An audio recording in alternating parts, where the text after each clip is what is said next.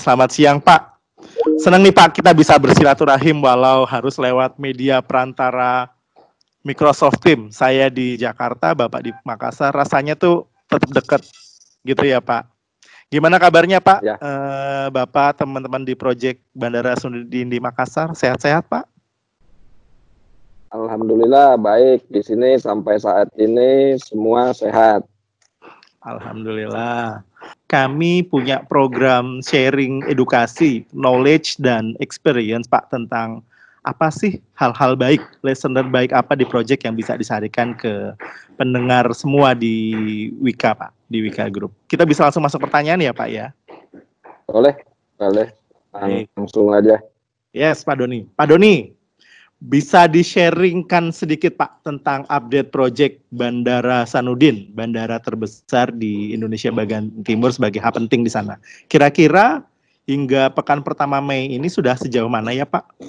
Ya baik, jadi project ini dimulainya itu di bulan Maret Pak, Maret 2018 SPK-nya. Tapi kita adalah project design and build jadi kita ada proses desain yang sudah berlangsung sampai dengan Oktober, tapi desainnya desain 100% baru kita kerja. Tapi desain parsial kita langsung bisa kerjakan ketika desain pondasi misalkan sudah fix, sudah disetujui oleh semua tenaga ahli baik dari AP1 dari kan itu langsung kita bisa kerjakan. Ini sudah berjalan sampai ke minggu ke-61 sampai saat ini progresnya sudah mencapai 53 persen di mana struktur ini sudah mendekati ke 100 persen. Kita sekarang oh. dalam proses pasangan atap dan instalasi-instalasi MEP.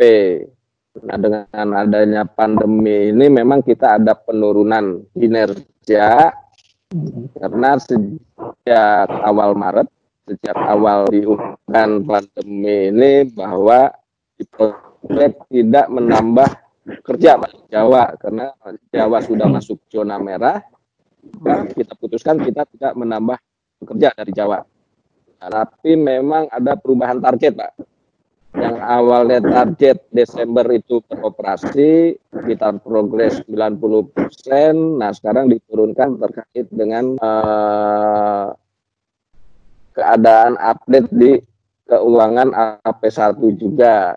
Nah itu saat ini kita sedang mereschedule untuk uh, akibat dari pandemi corona ini.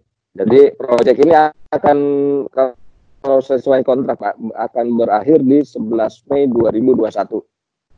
Nah, ini kalau keadaan seperti ini mudah-mudahan membaik jadi kita tidak harus apa memperpanjang waktu kontrak.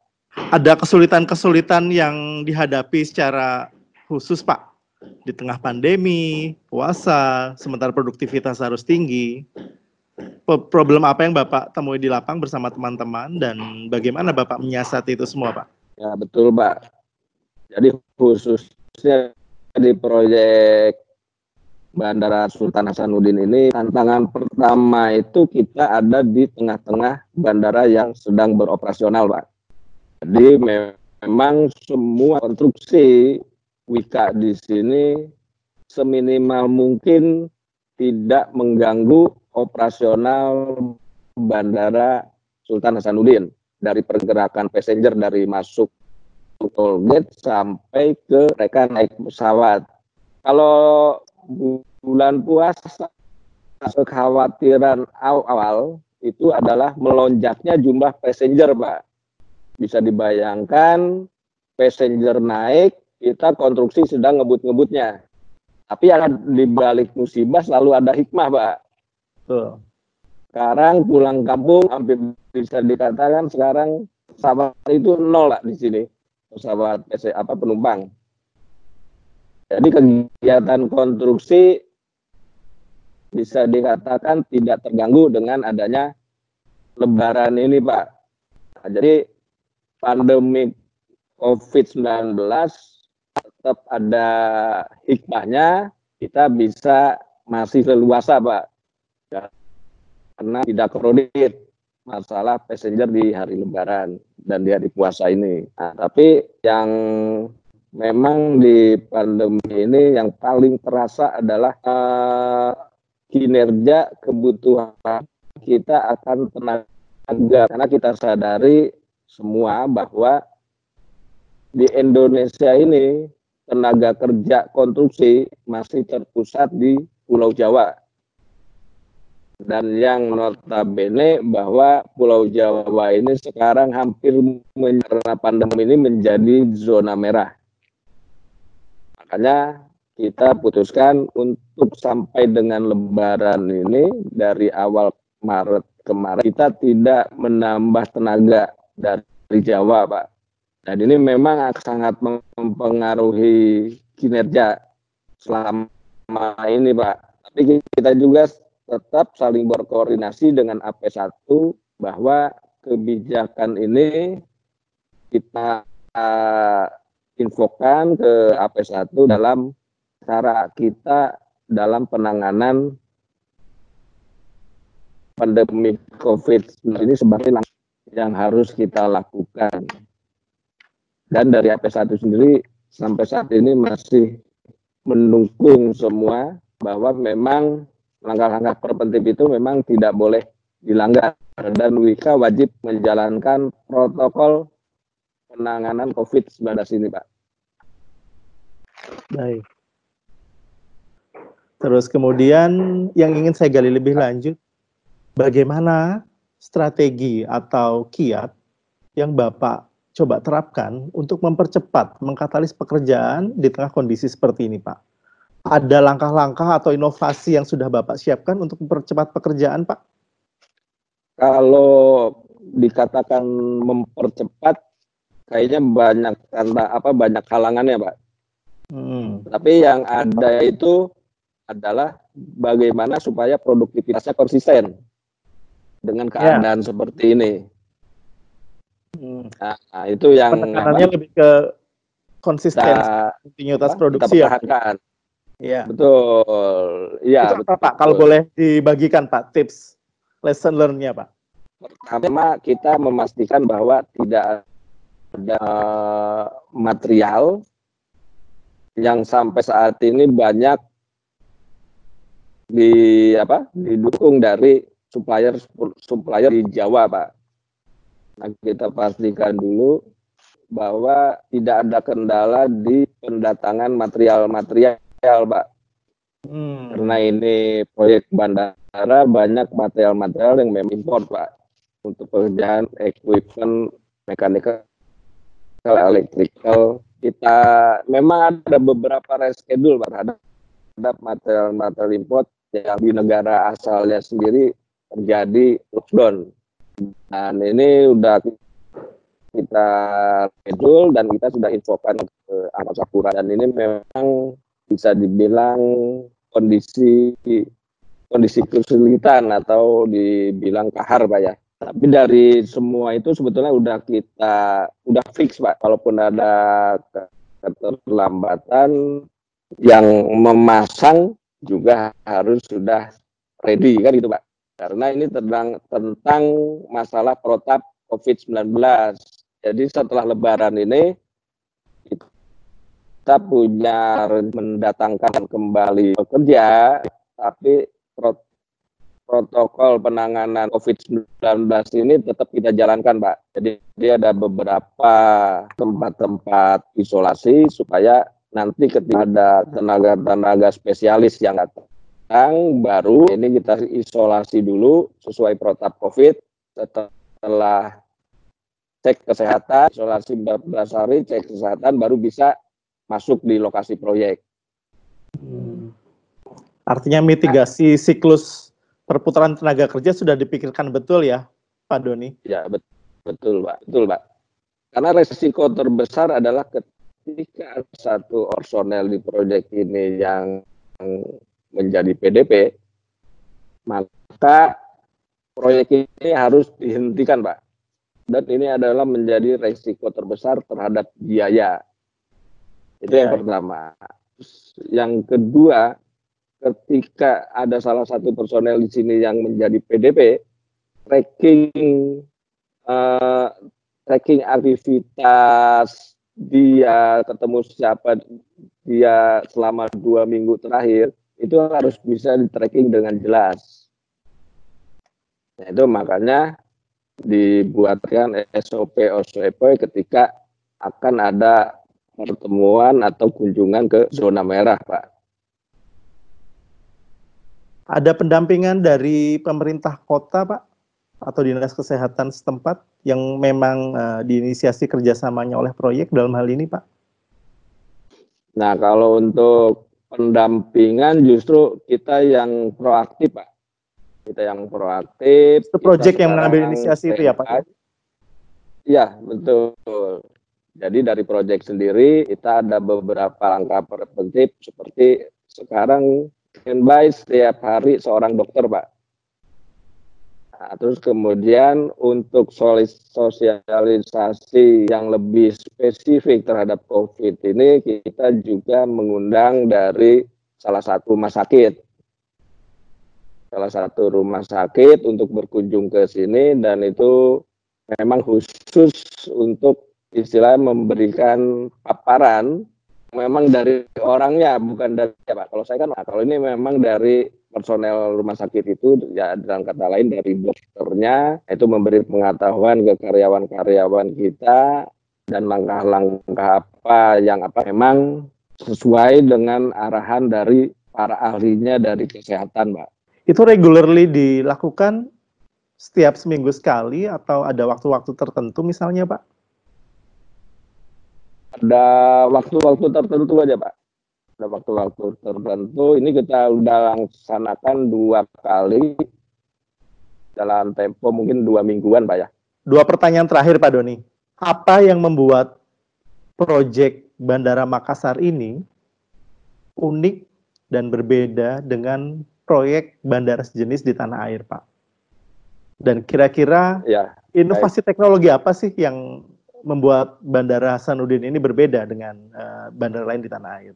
Baik Pak, ini sebetulnya kalau namanya proyek bandara semua sama Pak ya. Tapi mungkin uniknya di sini adalah bahwa bandara ini dibangun lokasi yang sama dengan bandara yang sedang beroperasional. Nah, itu kita perlu trik-trik khusus, koordinasi khusus dengan cabang AP1 gimana bandara existing ini tidak tidak terganggu. Terus yang kedua adalah Bandara Sultan Hasanuddin ini adalah bandara jumlah transit yang paling banyak Pak, di luar Soekarno Hatta. Karena dia ini adalah bandara hub dari Indonesia Barat ke Indonesia Timur. Jadi bisa dikatakan bahwa Bandara Makassar ini beroperasi 24 jam. Hmm, ya, Jadi ya. tidak ada window time yang bisa apa apa keadaan kosong itu sama sekali nggak ada. Jadi hmm. ya ini kegiatan konstruksinya yang harus pintar-pintar menyesuaikan. Terus ya. yang Time harus betul-betul dipikirkan A sampai Z ya Pak ya. Iya. Ya. Iya Pak. Karena bukan kita aja yang ada di situ, tapi ya. masyarakat luas juga yang datang ke Bandara Makassar ini bersinggungan langsung dengan wilayah konstruksi. Ya. Nah kita ini seperti proyek bandara-bandara yang lain memang dengan lokasi yang luas karena tidak ada bandara sekarang itu yang kecil-kecil Pak ya. Semua iya. ini kita manfaatkan teknologi Pak dalam cara kita gimana caranya mengukur itu bisa cepat. Nah, kita menggunakan alat ukur untuk pengukuran elevasi, pengukuran situasi dalam proyek yang luas ini kita memakai alat GNSS, Pak. Jadi sudah digital. Nah ini survei geodetik ini dengan memakai itu GPS, Pak. Jadi ini sangat efektif di awal proyek yang harusnya pakai alat geodesi manual itu bisa dengan seluas yang sekarang ini bisa dua bulanan hmm. dengan adanya sampai penggambaran wall survey sampai penggambaran itu bisa selesai dalam dua minggu pak oh dua minggu wah luar biasa Iya, iya, iya. Iya, karena semua digital, Pak. Apa tinggal lancepin lancepin titiknya aja semua di, terbaca di komputer. Ya, Pak ya. Otomatis terrecord gitu. iya, Pak. Record. Nah, ini memang alat ini baru berkembang tahun 2019 dan ini sudah kita aplikasikan di project, Pak. Ya. Bahkan paket lain yang bukan oleh Wika melihat kita pakai ini akhirnya mereka juga istilahnya ya kita share kita dijadikan benchmark ya? juga ke mereka. Ya. iya betul. Baik baik. Wah menarik dan ini untuk secara teknis pak ya. Dan untuk secara administrasi dari ya. tim kami yaitu dari komersial pengadaan dan keuangan. Nah ini kita membuat software manajemen info inventory gudang pak Hmm. Karena proyek ini pasti materialnya juga luar biasa jumlahnya. Iya. Volumenya banyak, kompleksitas jenisnya juga banyak ya Pak ya? Betul, iya. Nah ini makanya kita inisiasi untuk menggunakan software Pak. Dan ini udah berjalan di proyek ini dan sudah digunakan dan memang sangat membantu juga. Nah, jadi kalau secara inovasi ini Mbak yang mungkin baru dua ini Pak yang kita yeah. terapkan di proyek Makassar ini. Baik. Nah ini Pak, the last but not least, apa sih yang dilakukan oleh tim manajemen proyek sebagai satu kesatuan ya Pak ya, untuk menjaga kebersamaan, sense of belonging. Apa Pak yang Bapak bisa ceritakan di Ramadan 1441 Hijriah ini dari proyek Bandara Makassar? Ya betul Mbak. Sebetulnya berjalan apa normal saja, cuman saya lebih menekankan di diri saya sendiri harus ada visi dan misinya. Ya. Nah, visi di bulan Ramadan ini apa sih? Nah, itu tadi sebetulnya udah Bapak udah Bapak bilang tadi ya. Hmm. Kita bisa beribadah bersama dengan hikmat, tapi kita tetap menjalankan tugas kita tanpa ada gangguan berarti. Nah, kalau visi saya sebetulnya itu Pak, di bulan Ramadan ini dan gimana cara supaya ya tetap kompak dengan sekian ratus karyawan gitu Pak ya. Iya. Nah ini kembali lagi ke, ke saya sendiri Pak sebetulnya kembalinya Pak. Jadi kalau apa sekian ratus karya karyawan supaya semua kompak gimana caranya sebetulnya harus mencontoh ke saya. Hmm. Nah kalau sayanya nggak bisa jadi itu semuanya berantakan pak. kalau contohnya yes. benar istilahnya gitu. Iya. Nah, jadi saya selalu bicara tapi ngasih contoh sebagai role model ya pak. Iya ya, betul pak. Ya. Jadi saya selalu kalau misalkan saya bilang semua harus wajib hadir di safety morning talk, arti saya harus selalu hadir karena ya. saya harus menjadi contoh. Dan ya, bagaimana harus ada reward dan nah ini teori yang kedua pak. Reward dan punishment pak. Ya reward dan ya. punishment tetap kita jalankan. Tapi kembali lagi ke bagaimana saya mau meribet bagaimana saya memfanis kalau saya sendiri tidak taat kan gitu gimana menjalin komunikasi yang baik dan efektif? Nah ini saya tekankan komunikasi itu harus dua arah. Ya. Saling menghargai dan mendengarkan pendapat orang lain jadi saya juga nggak bisa saya hanya merintah tapi saya juga harus mau mendengarkan semua keluh kesah karyawan mbak. Oke. Tadi bapak bilang kekompakan ya mm-hmm makan di luar sendiri sekarang kan udah nggak boleh pak. Iya. Nah ini kadang-kadang saya hanya tanya ke karyawan sekarang lah istilahnya sekarang lagi ngidam apa sih hmm. kan gitu. Ya. Nah, kalau memang ngidamnya duren ya kita siapkan duren bareng-bareng. Nah, kita makan ya tanpa melanggar social distancing, ya kita Ya. makan durian bareng-bareng gitu Pak. Baik. Ya. Pak Doni, sebenarnya saya pengen gali lebih banyak pertanyaan ke Pak Doni, cuma karena waktu yang terbatas, nanti kita sambung di lain waktu ya Pak. Semoga apa yang disampaikan oleh Bapak jadi sesuatu yang fresh, jadi sharing experience yang fresh, sekaligus bisa menginspirasi Pak buat eh, kami, buat Wika Group dan buat teman-teman sekalian di project dari Sabang sampai Merauke juga yang di luar negeri. Kira-kira itu Pak yang bisa kami gali pada kesempatan wawancara sore ini. Terima kasih banyak Pak. Teriring salam Ya, untuk teman-teman project Pak. Ya, terima kasih Pak. Assalamualaikum Pak. Ya, baik Pak. Makasih banyak Pak Doni. Ya, Ya, Waalaikumsalam. ya sama-sama. Ya Pak, makasih banyak.